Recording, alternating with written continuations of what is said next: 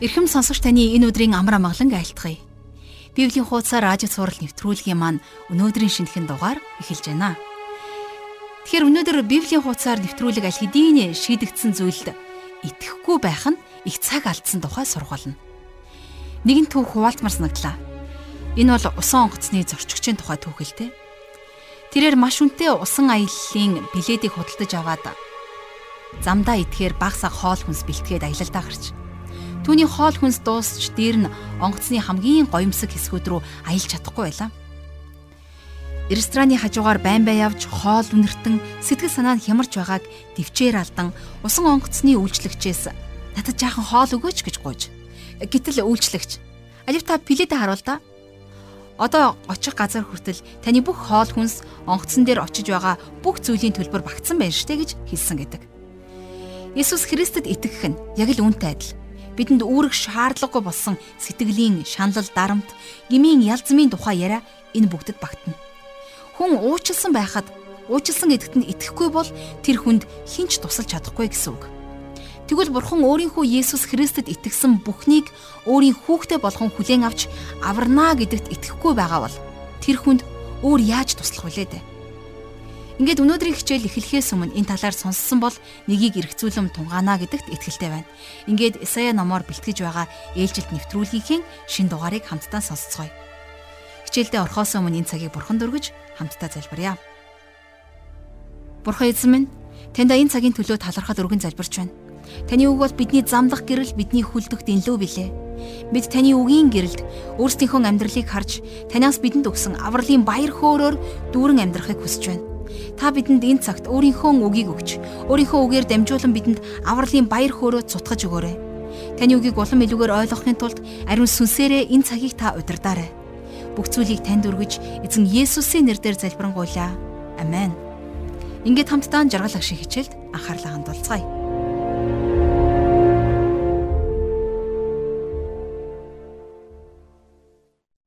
За өнөөдөр бид хамтдаа Исаи номын 53 дугаар бүлгээс Есүс Христийн загалмайн зовлонгийн тухай хэрхэн өгүүлсэн байгааг хамтдаа судлах болно. Ингээд Исаи номын 53 дугаар бүлгийн 3 дугаар ишлэлээр хичээлээ эхлүүлье. Тэрээр хүмүүст жигшигдэж орхигдсон. Өвчин зовлонг мэдгч зовлон шаналлын хүн ажээ. Түүнээс нүүр буруулж Тэр жигшигдсэн бөгөөд бид түүнийг даанч ис тоожээ. За энэ ишлэл болвол Есүс Христийн уй гашуу зовлон шаналлын тухай өгүүлсэн их алдартай ишлэл. Есүс Христийг энд өвчин зовлон мэдгч зовлон шаналлын хүн гэж тодорхойлсон байна. Хэрвээ энэ ишлэлийг бид нар буруугаар ойлгох юм бол Есүсийг энэ дэлхий дээр их уйтгар гунгаар дүүрэн амьдэрсэн юм шиг ойлгогдно. А гэхдээ тийм биш ээ. Яагад үг гэхээр Есүс Христ энэ дэлхий дээр ирэхдээ бидний гим нүглийг өөртөө тээж та бидний ууга шүү. Та бидний зовлон шаналлыг өөр дээрээ тээсэн. Есүс Христ энэ дэлхий дээр та бидний гим нүглийн төлөөсийг төлөхийн тулд Бурхан аавынхаа хүслийг гүйцээхийн тулд эрэхтэй баяр хөөртэй байсан. Харин түүнд байсан ууга шүү бол Есүсийн өөрийнх нь уу гашуу биш. Харин та бидний уу гашуу байсан. Тэм учраас Еврей номын 12 дугаар бүлгийн 2 дугаар ишлэлдэр хэлэхдээ Итгэлийг ихлүүлэгч бөгөөд төгсгөгч болох Есүс өөд харцгаая.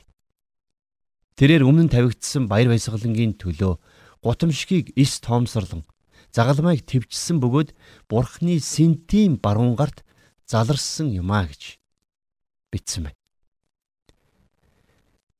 Есүс Христ загалмай дээр та бидний төлөө сайн дураараа амиа өгсөн. Түүний хувьд загалмай нь хүн төрлөختний гим нүглийн төлөөх тахилыг өргөх тахилын ширээ байсан. Есүс сайн дураараа та бидний төлөө загалмай дээр амиа өгсөн байх нь. Тэрээр та бидний төлөө сайн дураараа ингэж амиа өгсөн учраас Исая түүний тухай бичгтээ хяргагчийн өмнө дуугарахгүй хонь мэт амаач тэр нээсэнгүй гэсэн байдаг. Зарим хүмүүс нэг ийм зүйл ярьдаг л да. Би бурхныг миний гмийн төлөөсийг төлөөд өгөөч гэж гуйгаагүй шүү дээ гэж. Гэхдээ бид нар нэг зүйлийг ойлгох ёстой. Бурхан таныг өөрийнхөө авралт багтаахын тулд өөрийнхөө хүүг золиослсон. За энэ бол Бурханы зүгээс хүн төрлөختний төлөө хийсэн хамгийн эрхэм дээд бэлэг. Харин та энэхүү бэлгийг хүлээж авахаас татгалцаар байх юм бол таныг авралт багтаах өөр ямарваа нэгэн арга зам гэж байхгүй. Бурхан Христийг золиос болгон өгөхдөө та бидний төлөө өөрийн хайр, мэрэгэн ухаан, хүч чадлын дээдийг зориулсан байна. Тэгээд тэрхүү авралыг бидэнд санал болгоод биднийг хүлээж аваасай гэж төвчээртэйгээр хүлээсээр байна. Харин та Бурхны энэ агуу бэлгийг хөнгөн үзэж үл тоох юм бол Бурханаас танд санал болгох өөр арга зам гэж байхгүй. Есүс Христэд итгэхээс өөр авралт хүргэх зам гэж байхгүй. А гэхдээ ингээд энэ сайн мэдээ дуусч байгаа юм бишээ. Есүс Христ үхлээс амилсан. Бид нар үгсэн биш. Харин амьд нэгнийг алдаршуулдаг. Есүс үхээд бүх түүх дуусч байгаа юм биш. Харин тэр үхлээс амилсан. Үхлийг ялан дийлсэн. Есүс тэнгэрт одож Бурхан эцгийнхээ баруун гарт заларсан. Тийм ч учраас Исаи номын 53 дугаар бүлгийн 11 дугаар эшлэлдэр энэ тухай ингэж зөвнөн бичсэн байна. Зовлонгоосоо тэрээр гэрэл харна. Мэдлэгээрээ тэрээр хангалуун болно. Зөвхт нэгэн миний зарц олныг зөвтгөн хилэнцгийг нь үүрнэ. Та бидний аврагч Есүс Христ одоо ч гэсэн амьд байгаа. Одоо ч баяр хөөрөөр дүүрэн байгаа. Яагаад үг гэвэл түүний эдэлсэн зовлон түүнийг сэтгэл хангалуун болгосон. Биднийг мөнхийн улсад оруулахын тулд Есүс та бидний өмнөөс зовлон эдэлсэн. Түүний авралын улмаас хүмүүс сая саяар аврагдсан. Нэг гим нүгэлтэн гимшгэд тэнгэрт бөөн баяр хөөр болдгоо гэж Есүс өөрөө хэлсэн байдаг. Тэгвэл олон зуун сая хүмүүсийн авралд Есүс Христ хичнээн их баярлсан бол Тэгэхээр бидний эзэн Есүс Христ бол баяр хөөртэй эзэн. Тэр бол баяр хөөрөөр дүүрэн нэгэн. Түүний оршихуйд дүүрэн баяр хөөр. Хэрвээ та хараахан Есүст итгэж амжаагүй байгаа бол түүнийг өнөөдөр аврагчаа болгон хүлээж авахд оройтхгүй. Ингээд та түүний баяр хөөргийг мэдрэх болно. Ром номын 4-р бүлгийн 5-р эшлэлдэр хэлэхдээ харин сүсэг бишрэлгүй хүнийг ч зөвдөгдөг тэрээр үйлддэггүй боловч өөрт нь итгэдэг нэгний итгэлийг нь зөвд тооцдгоо гэж хэлсэн байна. Ингээд бодох юм бол та авралыг авахын тулд ямарваа нэгэн зүйл үйлдэх шаардлагагүй гэсэн үг. Харин зөвхөн Есүст итгэхэд л хангалттай. Яг өнөөдөр Есүс Христ таныг загалмайн өмнө урин дуудаж байгаа шүү.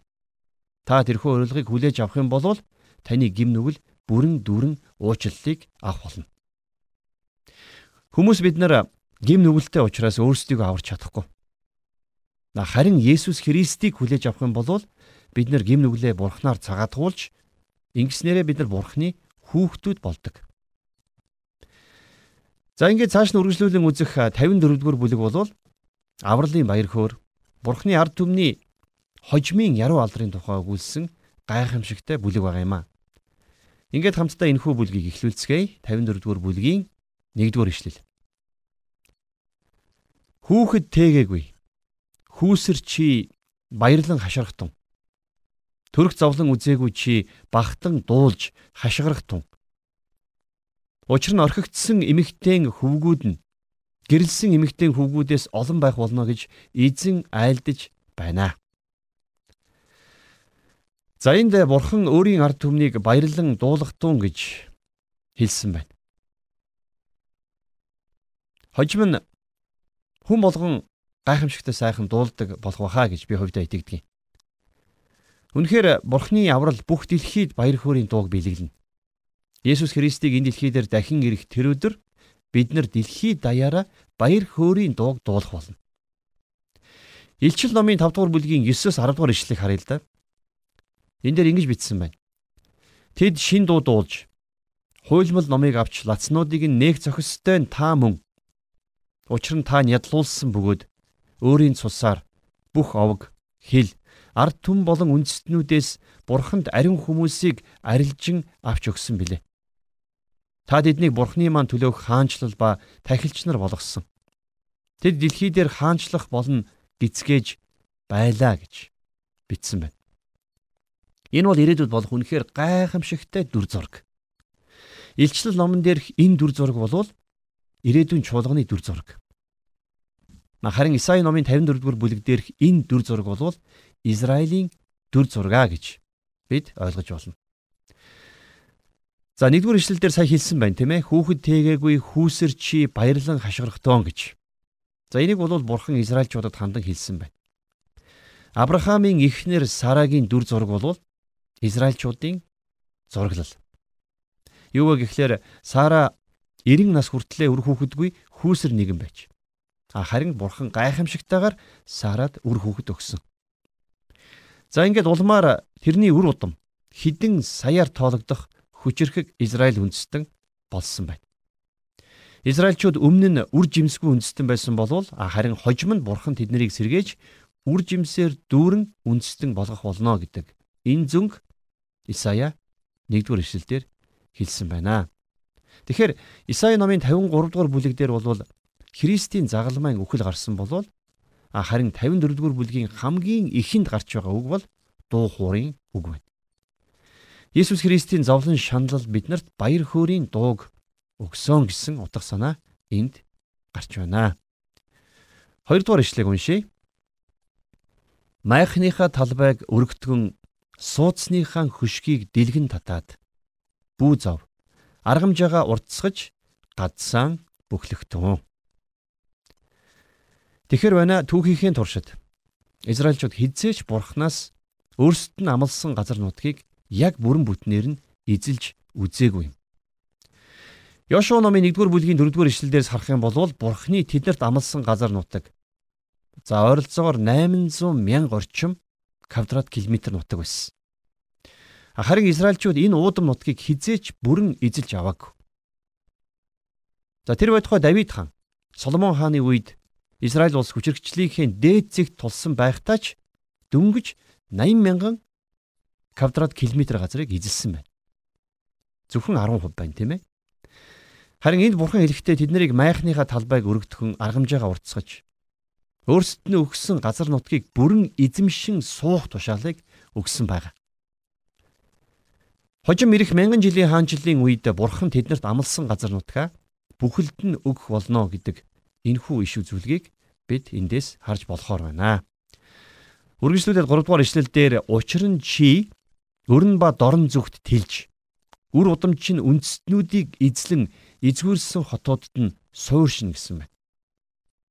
За өнөөдөр Бурханаас Израильд амласан газар нутаг дээр харь үндэстнүүд амьдарч байгаа тийм ээ. Харин тэднийг өөрсдийнх нь газар нутаг руу буцааж тэдний байсан газарт нь Израильчууд нутаглах болно гэж энд зөвгнөн хэлж байгаа. Өнөөдөр хувь хүмүүс за улс үндэстнүүд хил хязгаараа тэлж бусдын газар нутгийг булаахыг хүсдэг болсон. Тийм учраас л дэлхий даяар дайн тулаан тасардаг. Хүмүүс өөрсдийн шунлын улмаас үргэлж илүү ихийг хүсэж байдаг. Харин энэ хүсэл шунал нь тэдэнд дайн тулааны шалтгаан нь болж байдаг шүү дээ. 5 дугаар ишлэл. Учир нь чамайг бүтээгч нь чиний нөхөр мөн. Нэр нь төг төмдийн эзэн. Чиний аврагч нь Израилийн ариун нэгэн бөгөөд бүх дэлхийн бурхан хэмээн нэрлэгдсэн билээ. Ямар гайхамшигтай ишлэл бай тийм ээ. За бурхан энд Израилийг өөрийн эхнэр гэж зүйрлүүлэн хэлсэн байгаа. За гэхдээ Израильчууд өөр бурхад хиймэл шүтэнүүдтэй холбогдож за нэг үгээр хэлэх юм бол завхаарсан учраас за завхаарсан эхнэрээ хайж байгаа нөхрийн адил бурхан Израильчуудыг хайсан байдаг. За энийг хүн төрлөختний түүх давтан давтан баталдаг тийм ээ.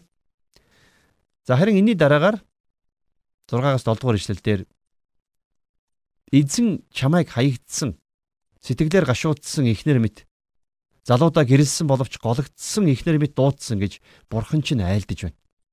Би чамайг игшин зуур оргисон боловч агуу өршөөл инэрлэр чамайг цуглуулнаа. За эндээс бол бурхан Израильчуудад ямар их хайртай. Тэднийг хэдийгээр хүнд хэцүү нөхцөл байдалд зөндөн зөвшөөрөн хайсан ч гэсэн ирээдүйд эргэж өөрийн болгон ингэртэй тэрвэх амлалтыг өгч байгааг бид сая харлаа. За энэ бүхэн бол Есүс Христийг дахин ирэх үед бид нэр энэ дэлхий дээрх өөрсдийн амьдралаа харахтаа үнэхээр Паулийн хэлсэнчлэн бидний энэ дэлхий дээрх ялахгүй зовлон бидэнд мөнхийн алдрыг өгсөн байна гэдгийг бидэнд давхар сануулan ойлгуулж байна. За 54 дугаар бүлгийн 10-аас 11 дугаар ишлэлдэр. Уулс ганхаж толгод дөргөвч. Инрэл хайр минь чамаас салахгүй. Амар тайвны гэрэм минь хөндөгдөхгүй гэж инрэгч эзэн чинь айлдаж байна. Салхи шуурганд туугдсан. Тайвширшгүй дорд нэгнэ. Үзэгтэн би чамайг оюугаар барьж чиний сурыг индранилар тавина. Бурхан абрахамтай гэрээ хийсэн тийм ээ а тэгээд энэ гэрээгээ хизээч орхихгүй гэдгийг энд бурхан давтан батлан хэлж байна бурхан өөрийнхөө амлалт өөрийн гэрээг хизээч зөрчидгүй бурхан бидэнд хандсан түүний амлалт ч гэсэн бас мөнхийх гэдгийг та бид нар мартах учиргүй 14 дугаар ишлэлдэр хамаг хөвгүүн чинь эзнэр сургагдана. Хөвгүүдийн чинь амар тайван нь агуу их болно. Зөвхт байдал дотор чи байгуулагдсан айхгүй тул дарлал зовлонгоос хол байж аюул чамд ойртохгүй учраас сүйрэл хүчрхийллээс чи хол байна. Тэгэхээр та бид нар амьдралд олонтаа харсан баха. Юу вэ гэхлээр бид нар хэрвээ зөвхт байдлыг дагах юм бол бид нэр тэр тоолонгоор айдсаас чөлөөлөгдөж байдаг зөвхт байдлыг даган амьдарч байгаа хүмүүсийн дотор айц байдгүй гэсэн үг. Бурхан өөрийн хүмүүсийг өөрийн зөвхт байдал дотор өөрөө сургаж байдгаа гэсэн үг.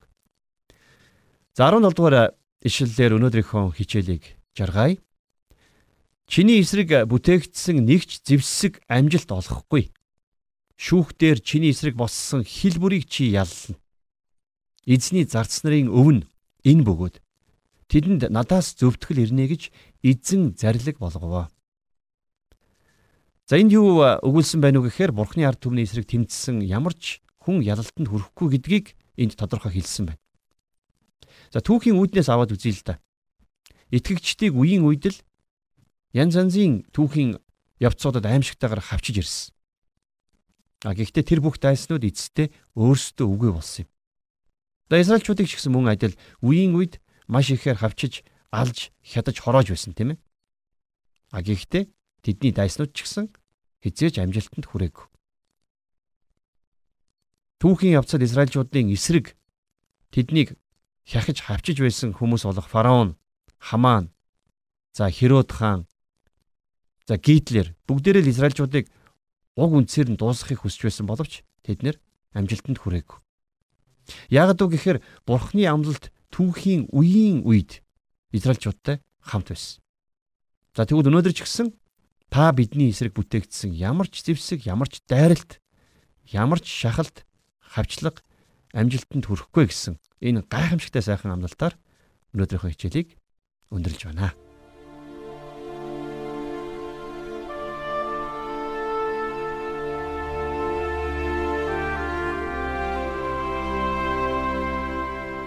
Тэгэхээр хичээлийг зааж тайлбарж өгсөн жаргал агштаа маш их баярлалаа. Чуулганы итгэгчдийн яриаг 7 хоног бүр сонсдог пасторудтай ярилцаад үзэхээр итгэгчид үргэлж гим нүглийн асуудлыг ноцтой гэж бодоагүйгээс асуудалд унж түүнийгээ томруулсан байдаг гэж байна. Тэгэхээр гим нүглийг нь эхэндээ өөрөө хянж чаднаа гэж боддогч. Хүний сул дорой байдал нь өөрийгөө бүрэн авч чадахгүй ингэхч боломжгүй гэдгийг тэр үед баталж өгдөг байна. Хүн төрлөختөн гим нүглийг ялан дийлсэн удаа байдаггүй. Харин нүгэлтнүүдийг тусгаарлаж яллан шийтгсэн тухай түүх бол маш илбэг байдаг. Бурхны тухай суралцж байгаа та ямар ч зүйл ангитай гим нүглийн дунд амьдарч байгаагаа ойлгож эхэлсэн байх гэж найдаж байна. Хичээлээр үргэлжлүүлэн уучлал нэгүслийн талаар суралцж, гим нүглийг дарж, гимтнийг тусгаарлаж ялладаггүй. Харин тулж уучладаг, уучлуулдаг, ялдаг тэрл зүйлийг хамтдаа ойлгож аваарай. Ингээд дараагийн хичээл хүртэл эзэн таныг харж хандах болтугай. Хичээлийн төгсгөлд өнөөдрийн хичээлийн төлөө хамтдаа талархал өргөж залбирцгаая. Бурхан эзэн минь таньда өнөөдрийн хичээлийн төлөө талархал өргөн залбирч байна. Үнэхээр гим нүгэлтэд сул дорой биднийг Иесус Христийн загалмайн үхлээр дамжуулан та авралдаа багтааж бидний аманд магтаалын дууг бидний зүрх сэтгэл баяр хөөргийг бидний ам амьдралд жинхэнэ утга учирыг өгсөн учраас танд бүх алдар магтаалыг өргөн залбирч байна. Та бидэнд мөнхийн амийг өгсөн учраас Бид энэ амьдралынхаа туршид зөвхөн танд талархаж, зөвхөн таныг магтан алдаршуулж, урам зоригтой, итгэл найдвараар дүүрэн амьдрахыг хүсэж байна. Та биднийг хөтлөн дагуулж, өдөр бүр ариун сүнсээрээ та удирдаарай. Бүх зүйлийг танд өргөж, эзэн Есүсийн нэрээр залбирanгуйлаа. Амен.